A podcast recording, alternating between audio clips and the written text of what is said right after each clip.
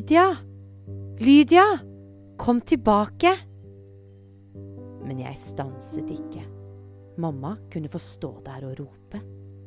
Jeg ville ikke si farvel til bestemor.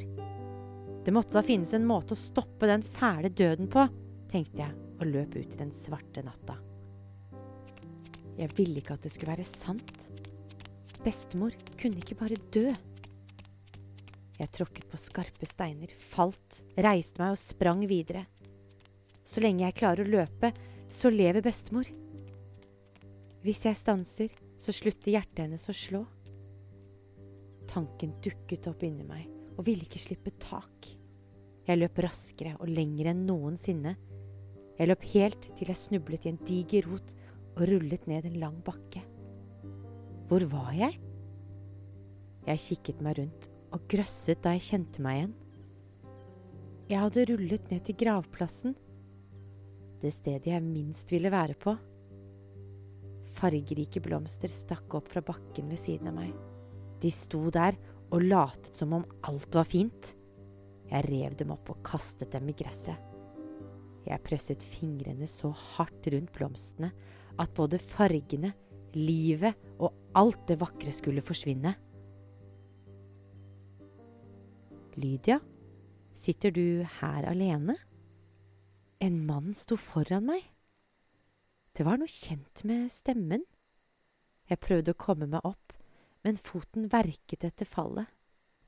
Det jeg så, måtte være feil. Det gikk jo ikke an. Mannen på eselet sto der og sa navnet mitt som om ingenting hadde skjedd. Vet du hvem jeg er? Jeg prøvde å gjemme de ødelagte blomstene bak ryggen. Du er Lydia. Jeg har sett deg hele uken.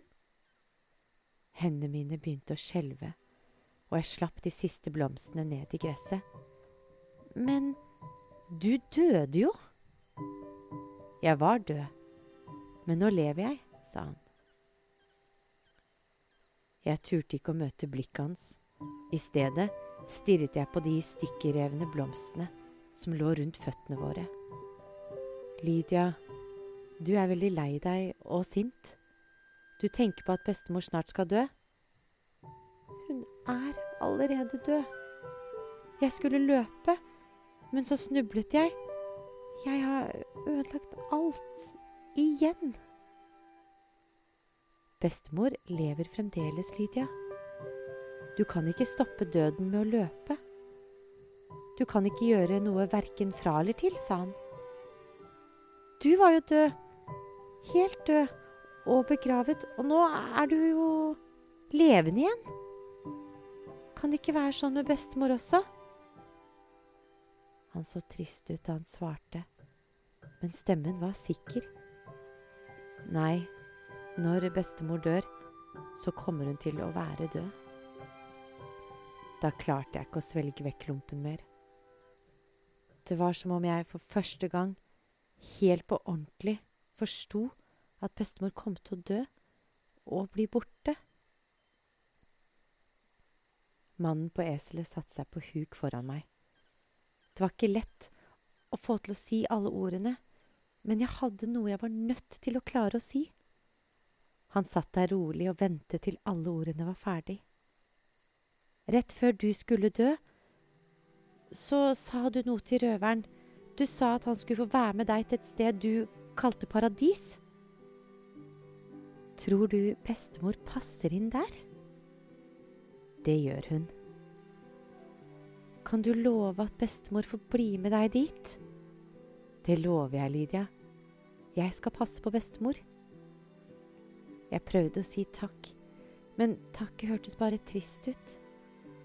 At bestemor skulle få være hos Gud, hjalp jo ikke så mye for meg. Jeg ville jo bare bli enda mer alene når bestemor ble borte. Langt unna hørte jeg lyder av mennesker som nærmet seg. Lydia, du er god til å løpe, ikke sant? Jeg nikket. Da vil jeg at du skal løpe så fort du kan hjem til bestemor. Si farvel til henne. Jesus løftet meg opp den bratte bakken, slik at jeg kom meg opp på stien igjen. Lydia, Jeg vet hvor fælt det er å kjenne seg alene og forlatt. Jeg skal være hos bestemor, men jeg skal være hos deg også. Bestemor! Jeg ropte mens jeg sprang forbi tenkesteinen, det store treet, mamma, lille esel, de nyfødte kyllingene og helt inn til bestemor. Jeg falt ned og ristet i henne. Hun våknet liksom ikke. Jeg ristet i henne på nytt.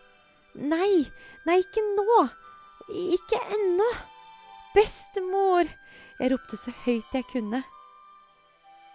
Lydia. Bestemor hvisket navnet mitt uten å lukke opp øynene. Han er ikke død. Han visste hva jeg het, og han har lovet meg at ingen av oss skal være alene. Jeg kjente at bestemor klemte forsiktig rundt hånden min. Hun åpnet øynene og smilte til meg. Aldri alene, hvisket hun. Så lukket hun øynene, og hånden hennes ble slapp i min. Utenfor hørte jeg lille esel, insekter og lyden av de nyfødte kyllingene. Et sted der ute var Thomas også, den nye bestevennen min. Aldri alene, hvisket jeg til bestemor og kysset henne på pannen.